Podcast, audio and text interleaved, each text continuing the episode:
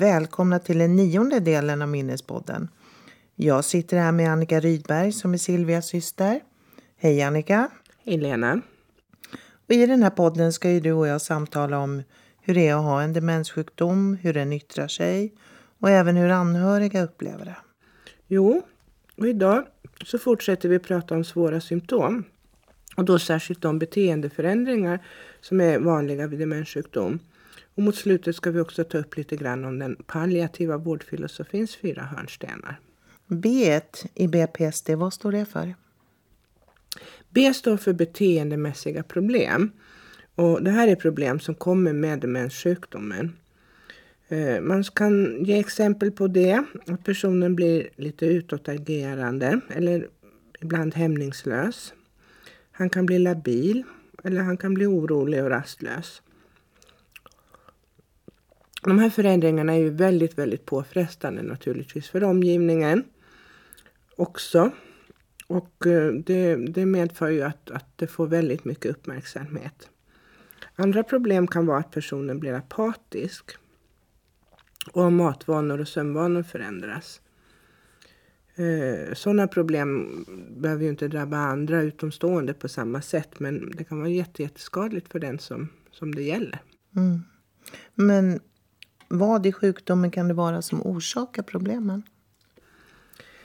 Ja, det kan ju finnas väldigt många orsaker till det. Eh, och så här är det viktigt att komma ihåg att ett, ett problem kan ge upphov till ett annat. Eh, ångest kan ge både agitation, labilitet eller till exempel rastlöshet. Och, och likaså så kan ju hallucinationer och till exempel vanföreställningar ligga bakom. Sjukdomar förstås som vi har pratat om förut. Och så smärta, men, men faktiskt själva hjärnskadan som sådan kan också vara orsak till de här problemen. Om man känner sig rädd eller vantrivs och är maktlös eller förvirrad. Eh, ibland så drabbas personer som har en demenssjukdom av för många intryck. Han eller hon blir överstimulerad och det kan också ofta ge svåra problem. Eller man kanske helt enkelt bara sitter och känner sig lite uttråkad. Sånt som har hänt tidigare i livet kan ligga bakom. Eh, man känner skam eller skuld för någonting som har hänt.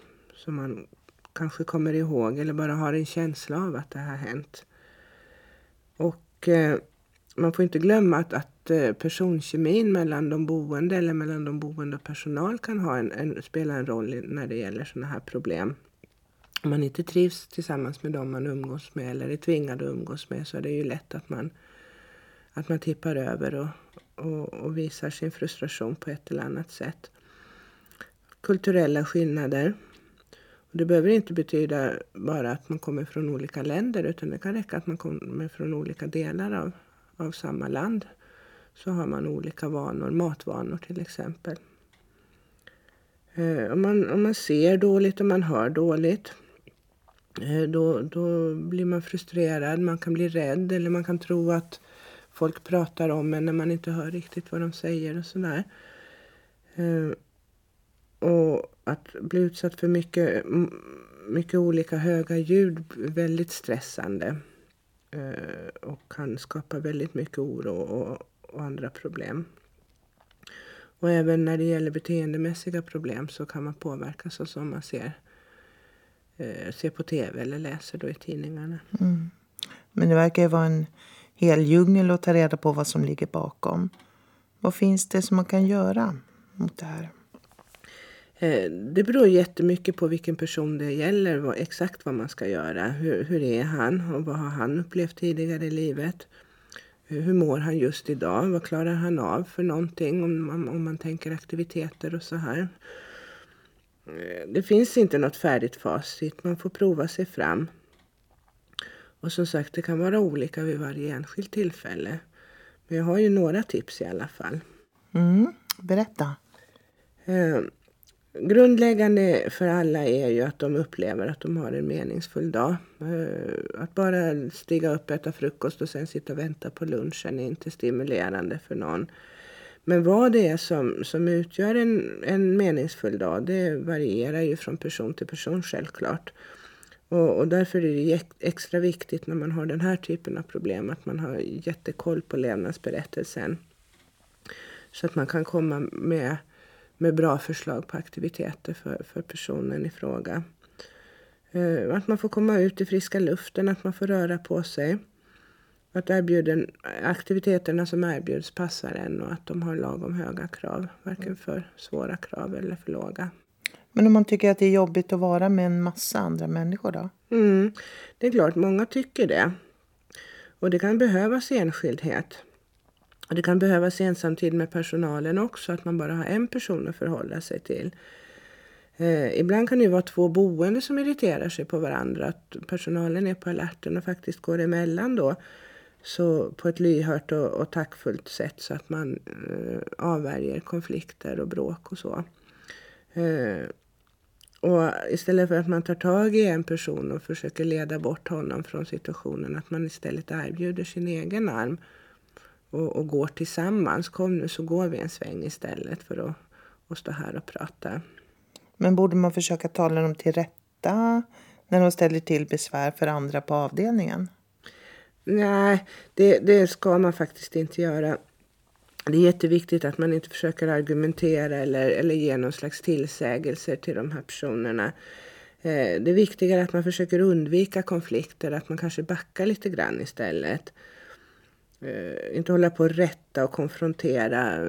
De här, det är i alla fall vuxna människor vi, vi har att göra med och det är inte några barn som, som vi ska försöka uppfostra på något sätt. Eh, avstå från att tjata. Det är bättre att hålla med och bekräfta känslan och, och så eh, använder man kroppsspråket för att dela med sig av sitt eget lugn. Och, och som sagt, avleder rent fysiskt. Går därifrån tillsammans. Kom nu så går du och jag och, och gör något annat, något, något roligare istället.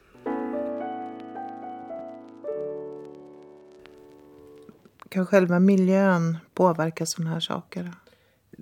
Det är nog ganska ofta som det är någonting i miljön som stör. Det kan vara växter som står på ett konstigt ställe. Det finns tavlor som man misstolkar. Det är viktigt att tavlor och andra konstverk som man har eller prydnadsföremål som man har på en demensavdelning faktiskt är föreställande konst och inte abstrakta saker som är svåra att tolka. Eh, finns det speglar så, så kanske man måste ta bort dem. Mm. Och, och sen att man ser till att det inte finns någonting som man kan skada sig på eller som man kan skada andra människor med. Mm. Det måste ju vara en väldigt påfrestande arbetssituation för personalen. Mm. Finns det mm. någonting som man kan hjälpa dem med för att de ska orka med? Det är klart att det är väldigt påfrestande för de som jobbar på avdelningen. Och Eh, alla ska ju orka och alla ska ju tycka att, att det är roligt att gå till jobbet så att säga. Så det är viktigt att man inom personalgruppen stöttar varandra, att man avlöser varandra när det är svårt. Och, och låter arbetskamraten gå ifrån en, en liten stund och få en liten paus. Eh, sen är det viktigt att man har gemensamma strategier så att alla gör på samma sätt hela tiden. Och, och sådana här gemensamma strategier så de brukar vi kalla för handlingsplaner och de ska också grunda sig i levnadsberättelsen. Mm. Men vem är det som ska göra den här handlingsplanen? Eh, handlingsplanen görs ju egentligen av arbetsgruppen tillsammans men det är viktigt att själva utredningen och uh, upprättandet av de här eh, slutsatserna görs av någon som är utbildad för det här. Och så att man kan formulera bra omvårdnads och bemötandestrategier. Och det är viktigt att personalen har full koll mm. i de här situationerna va? Ja visst, och man måste ju alltid vara observant på, på konfliktungar som håller på att segla upp eh, på avdelningen. Och man måste ha, också ha fasta rutiner för, för vissa saker så att man som personal kan känna sig trygg i att, att allting sker på samma vis hela tiden. Personalen måste vara lite ödmjuk och kunna lyssna på dem som bor där. Och, och kanske släppa efter lite grann på kontrollen ibland. Eh, vissa saker kanske personerna ska behöva få göra på sitt eget sätt.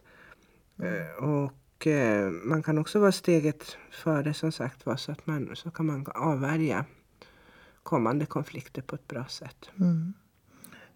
Men är det något av de här beteendena som man ska bemöta på ett speciellt sätt? Ja, jag tänker att om det är så att en person som har ett så kallat hämningslöst beteende då, så då är det faktiskt ett par saker extra som man behöver tänka på.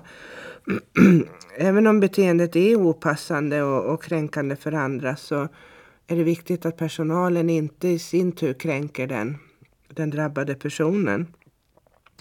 Eh, och, och, man behöver faktiskt lära sig hur man gör när man avleder med någonting som är starkare än den här känslan. Och att man fortsätter att visa respekt för individen. Mm. Men måste man ingripa i alla situationer? Nej, det är ju inte säkert. Man får ju fundera över vad man själv har för fördomar om vad som är ett oönskat beteende och sådär. Och vara uppmärksam på att, att eh, alla kanske inte tycker lika. Eh, ibland måste man kunna ignorera situationer som inte är så störande för andra, även om man själv tycker att det är obehagligt på något vis. Mm. Eh, och eh, en viktig sak som man faktiskt kan göra det är att försöka uppmuntra alla positiva situationer som uppstår. Men vad kan man ta med i den här handlingsplanen för att hjälpa den som drabbats? Just av de här problemen. Ja, nästan vad som helst tänkte jag säga. Allt, allt möjligt som är trevligt och, och skönt och roligt det kan man använda. Lite beroende på vad man har för resurser naturligtvis. Men, men kan man ge massage eller om man har möjlighet till spabehandling så är det ju fantastiska saker för att skänka lugn och ro och avkoppling. Annars har vi ju musik, samtal. Eh, om det finns möjlighet till djurkontakt är det helt suveränt.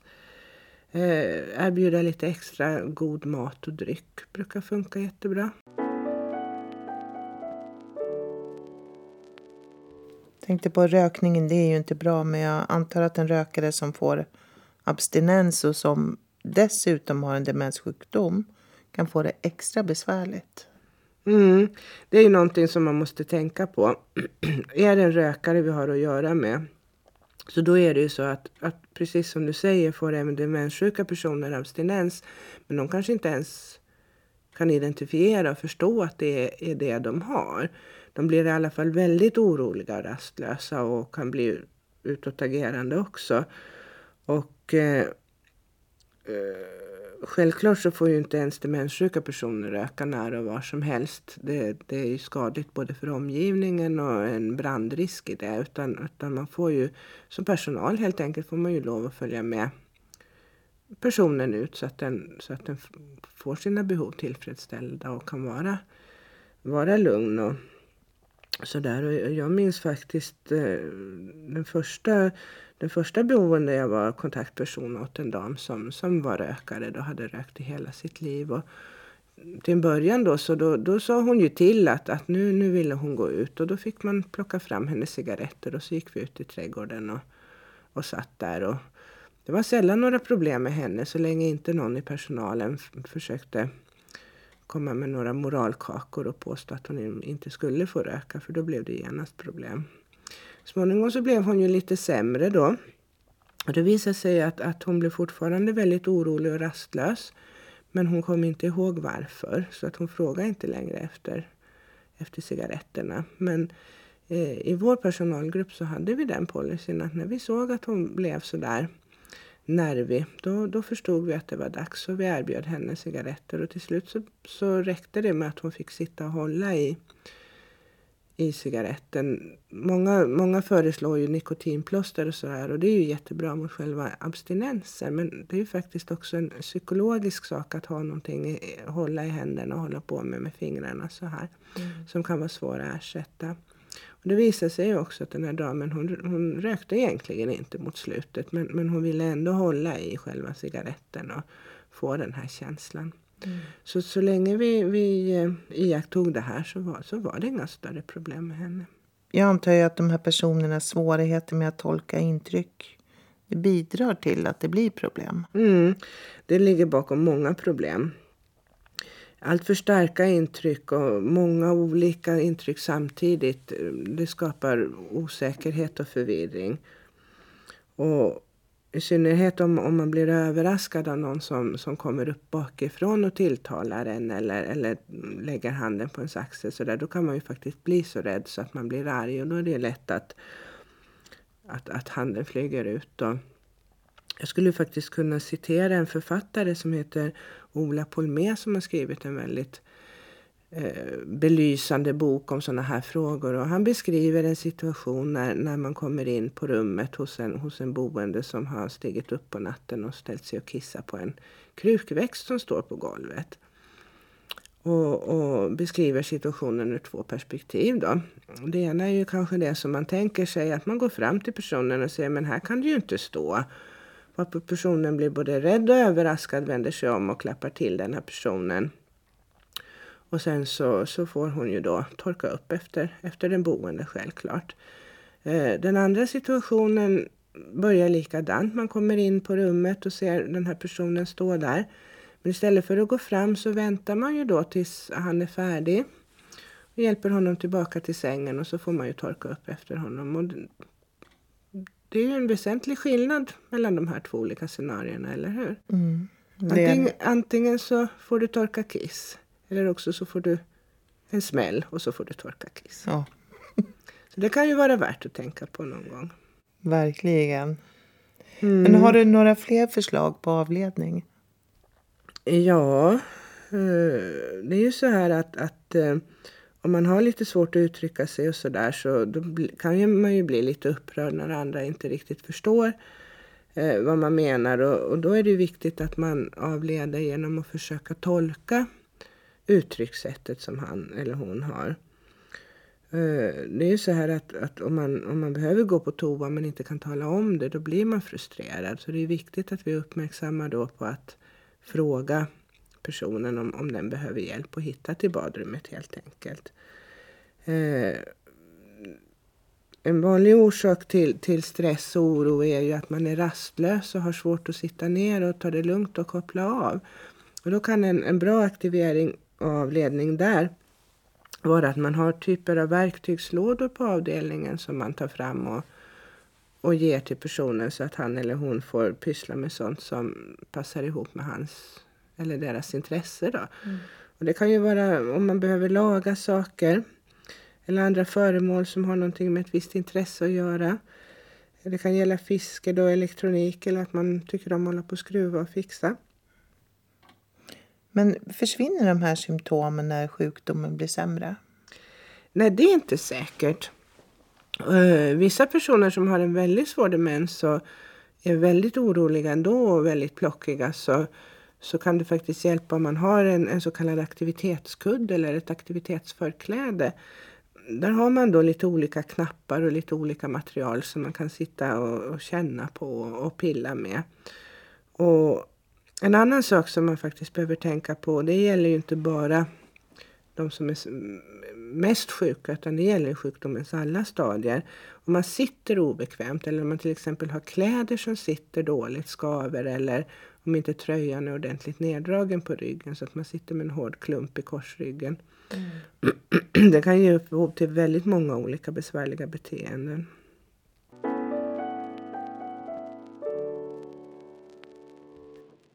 Och sen då som avslutning på det här avsnittet så hade jag tänkt prata lite grann om den palliativa vårdfilosofin och hur man använder den i demensvården.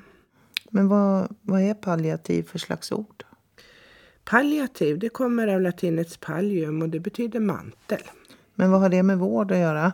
Eh, jo, man menar att den palliativa vården den ska vara som en mantel Eh, en mantel som man då sveper om med en som fryser. Den tar alltså inte bort kylan men den gör så att man inte fryser lika mycket. Mm. Men jag förstår ändå inte riktigt hur det hänger ihop med just demensvård. Eh, det handlar om symptomlindring. Demens är ju en palliativ sjukdom eftersom den inte går att bota. Utan man får försöka lindra symptomen istället. Och palliativ vård används för alla obotliga sjukdomar och för alla obotliga tillstånd. Och ursprunget till det här uttrycket sägs vara att ett helgon som hette Saint Martin of Tours kom ridande en, en gång på, på en väg och såg en, en fattig man som inte hade några kläder och frös. Så han tog sin mantel och delade den i två delar och gav den ena halvan till den här fattiga mannen. Och sen på natten då drömmer Saint Martin of Tours om Jesus och ser honom stå där i sin halva mantel. Och följande dag när han då vaknar så visar det sig att hans mantel har blivit hel igen. Mm. Det är alltså ursprunget till uttrycket palliativ vård, lindrande vård helt enkelt. Då förstår jag lite bättre. Mm. Tack. Berätta mer om vårdfilosofin. Jo, eh, den palliativa vårdfilosofin den bygger på fyra hörnstenar. Och ett par av dem har vi faktiskt redan berört i avsnittet om anhörigstöd. Mm. Du kanske ändå kan repetera lite? Mm. Det handlar ju då om symptomkontroll, om kommunikation för relation, om teamarbete och om anhörigstöd. Mm. Vilken av de här tycker du är den viktigaste? Ja, det är nästan omöjligt att säga. Eh, de hänger ju ihop på, på, på ett sätt som, som gör att till exempel symptomkontroll är ju jätteviktigt. Men om man inte har ett bra teamarbete, om man inte har en bra kommunikation både inom teamet och med den som är drabbad, då blir symptomkontrollen mycket, mycket svårare. Eh, å andra sidan är det ju så att om man har väldigt svåra symptom som inte blir lindrade, då försvåras ju själva kommunikationen också. Eh, då blir det också svårare att bygga en, en relation. Och, och det i sig själv kan göra att symptomen förvärras. Eh, att man har ett bra teamarbete eh, är, grundläggande. Och att man tar med de anhöriga. För det är ju de som kan ge de flesta bra tipsen om hur, hur man bäst kan kommunicera och också på det viset lindra många av symptomen. Men för att de anhöriga ska kunna vara en resurs eh, i det här arbetet så, så, behöver ju de råd och stöd så att de känner sig kompetenta. Vad innebär symptomkontroll? Symptomkontrollen ska fokusera på alla symptom och inte bara de fysiska som är lätta att se och oftast ganska lätta att åtgärda utan de ska också eh, fokusera på de psykiska symptomen, på sociala och på existentiella symptom. Mm. Fysiska och psykiska symptom det har vi ju pratat om en hel del mm. redan. Och det är inte så svårt att förstå vad det är för något. Men vad innebär sociala symptom? Eh, ja, med det menar man sånt som påverkar det sociala livet. Och då kan ju det handla om till exempel att man har svårt att ta initiativ till samvaro. Eh, man kanske har tappat förmågan att uppföra sig i sällskap. Man gör bort sig helt enkelt. Eh, ibland så tolkar man ju det som, som andra säger på ett annorlunda sätt och, och då svarar man också på ett sätt som andra kan uppfatta som väldigt konstigt. Mm. Men hur kan man hjälpa dem om de har sådana svårigheter? Uh, ja, det är väl inte så jättesvårt egentligen. Man, man erbjuder samtal och samvaro. Det är viktigt att man lyssnar och, och försöker hitta någonting som skulle kunna inspirera den här personen till att faktiskt vara tillsammans med, med en själv eller med andra. Att man funderar vilka aktiviteter som skulle kunna vara intressanta. Och, och att man stöttar personen då, då så att, att uh, han eller hon kan delta. Det är viktigt att personalen är närvarande i alla sociala situationer. Och, och vid behov så får man ju styra upp eller avleda om det håller på att gå överstyr alltihopa. Um, det är ju en konst i sig naturligtvis att samtala med, med på ett givande sätt med någon som har svårt att förstå vad man säger och svårt att uttrycka sig och sådär. Men det finns faktiskt utbildning så att man kan lära sig vad man ska tänka på särskilt. Mm. Kan du ge några tips om det? Ja, till att börja med så behöver man ju ha lugn och ro förstås. Att man verkligen sitter ner och är nära och har tid att lyssna. Sen behöver man ju inte bry sig så mycket om vad den andra eh, säger eller svarar eller sådär utan att man, man snarare följer man honom och hans tanketråd och följer med vad han uttrycker. För sist och slutligen så är det så att det är känslan av att bli lyssnad på av någon som bryr sig. Det är mycket, mycket viktigare än vad själva samtalet egentligen innehåller.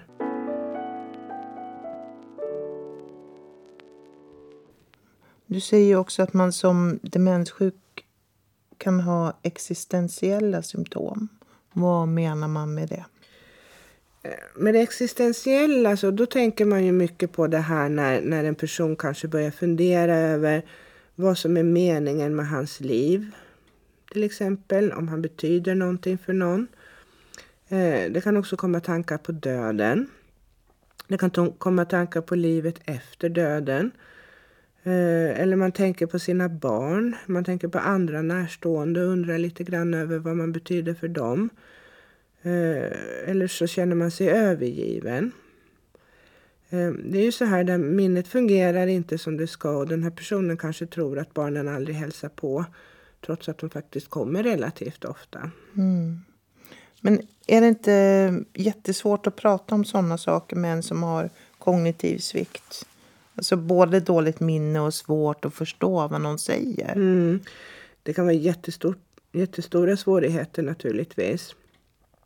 Det är jätteviktigt att man har tid och att man har lugn och ro och att man är inkännande eller empatisk som man säger.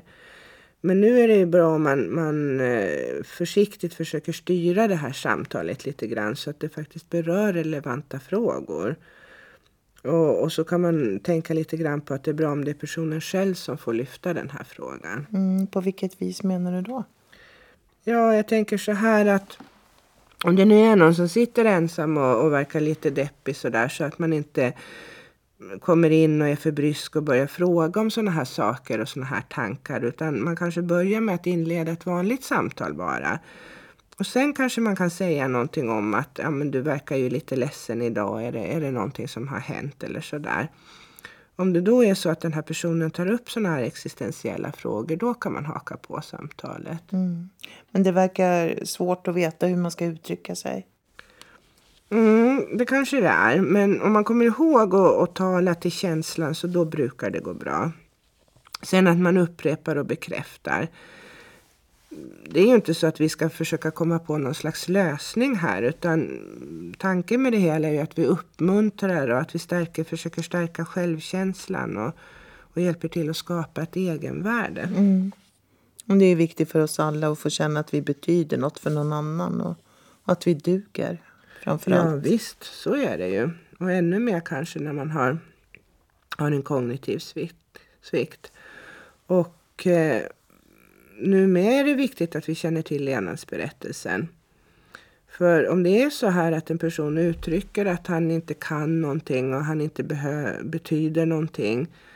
Eh, det är viktigt att vi kan ta fram bra saker som han eller hon har gjort tidigare i livet. Det spelar ingen roll om det är i sitt yrke då eller inom familjen. Att man betonar det han har uträttat i livet och vilka fina barn han har fostrat och så vidare. Och för att det här ska fungera så då krävs det ett bra teamarbete. Mm. Men vad är det för förutsättningar som krävs för att det verkligen ska fungera? Eh, för att teamarbetet ska fungera så är det viktigt att alla som, som har med den sjuka att göra är införstådda med att man har ett sådant arbetssätt på den här enheten. Eh, att alla kompetenser faktiskt räknas, att alla kompetenser är lika viktiga. Eh, alla ska ställa upp när det är möte, när man ska planera omvårdnadsåtgärderna. Eh, det är viktigt att cheferna och sjukskötarna är intresserade, att de håller koll på och tar reda på om de här bemötandeåtgärderna har gett något resultat. Eh, sen måste även legitimerad personal som läkare och rehabiliteringspersonalen faktiskt lyssna på närvårdarna, de som jobbar på golvet närmast de sjuka för, för ibland är det ju så att läkemedel eller andra ordinerade åtgärder faktiskt inte fungerar. Eh, då är det viktigt att man kan lägga sin prestige lite grann åt sidan och, och diskutera om det finns något alternativt sätt att göra det hela på. Mm. Och om, om, om det visar sig att en i och för sig viktig åtgärd faktiskt inte ger något bra resultat eller, eller ger en minskad livskvalitet som en man som, som jag försökte hjälpa vid tillfälle, han besvärades av väldigt kraftiga diarréer och personalen klagade över att han var så argsint och slogs och svor. Och Han var svår att ta hand om helt enkelt. Mm. Eh, och det visade sig att de här diarréerna berodde på en medicin han hade fått, en järnmedicin. Så att jag, jag pratade ju då med doktorn och sa att jag tycker att man kan ta bort den här medicinen för att han ska må lite bättre och slippa ha det så här besvärligt. Och, och först sa ju doktorn det att ja, men han måste ha de här tabletterna för att han har så väldigt lågt HB. Men jag, jag svarade, jag sa det, men, men den här personen har faktiskt inte speciellt lång tid kvar att leva, kanske bara några månader. Han var väldigt gammal och väldigt sjuk. Mm. Är det inte viktigare att han kan få ha en bra livskvalitet de här sista månaderna? Även om hans HB råkar vara lite lågt.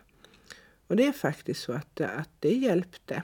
Uh, han, han slapp sin, sin järnmedicin Mm. och blev bättre och mådde mycket, mycket bättre den, den sin sista tid i livet. Mm. Och det tog inte så lång tid heller.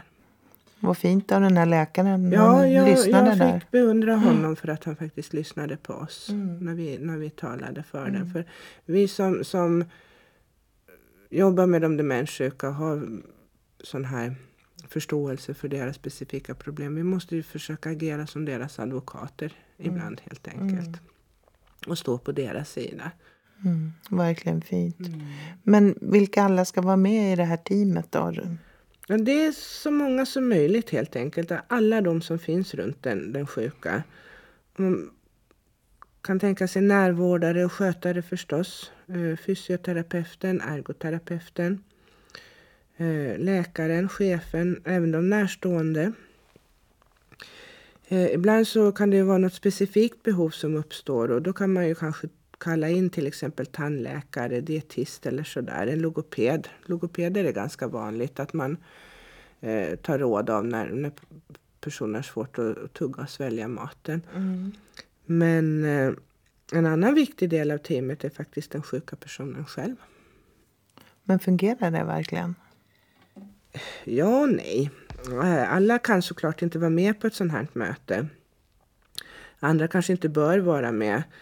Eh, den här sjukdomen kan yttra sig på ett sånt sätt att man inte kan eh, tala öppet om problemen och komma på någon bra lösning. Men det är ändå viktigt att, att personen är med genom ombud så att säga. Eh, någon ska vara med som känner honom väl och som kan föra hans talan då.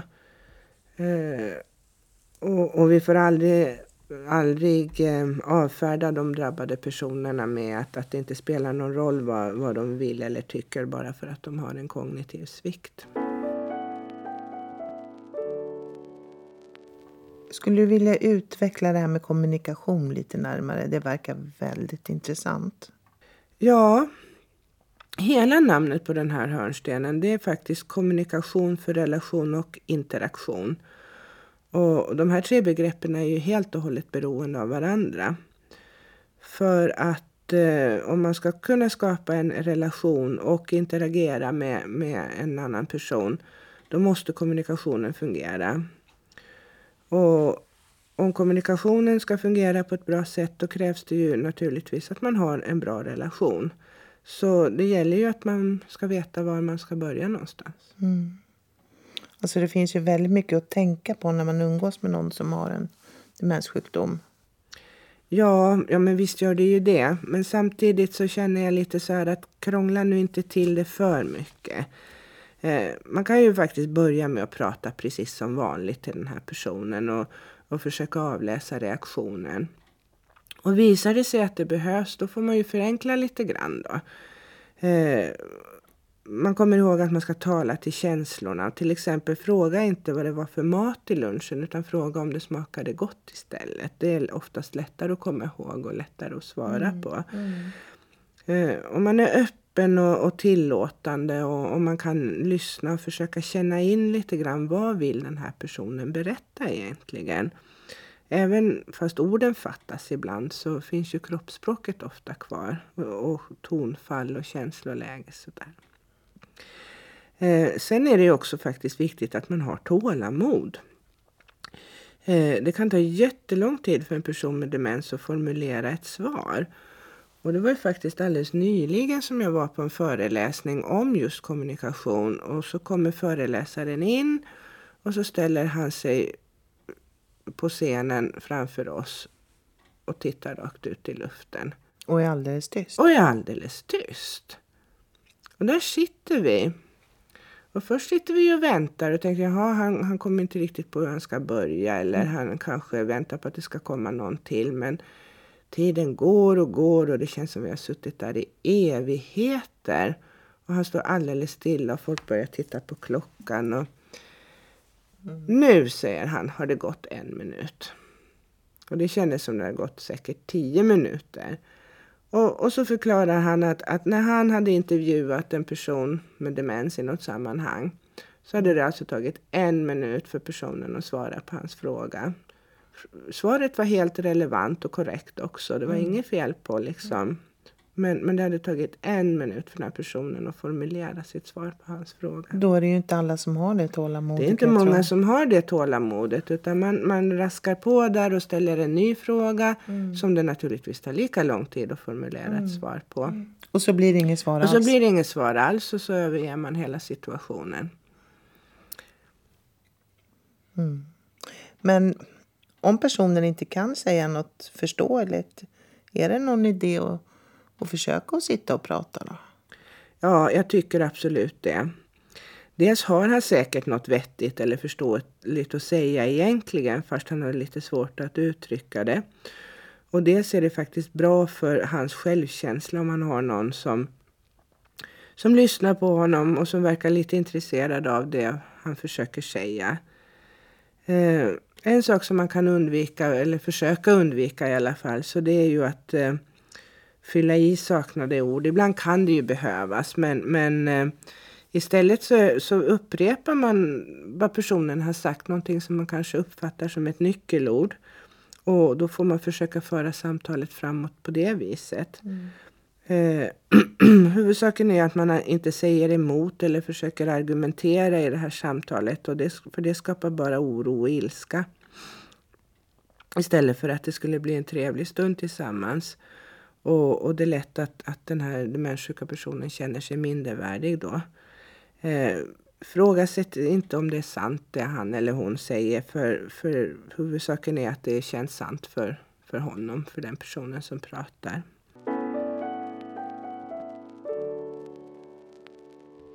Och sen i det sista avsnittet av den här podden så ska vi prata lite grann om vad forskningen kommit fram, kommit fram till när det gäller de kognitiva sjukdomarna. Tack för den här gången Annika. Och vi ser fram emot att få återkomma med fler frågor och svar. Och är det så att du som lyssnar har några egna frågor så är du välkommen att skicka dem till minnespodden at alandsradio.ax. Eller ring mig på telefon 0457 345 5585 eller skicka ett PM via min Facebook-sida. Hej då!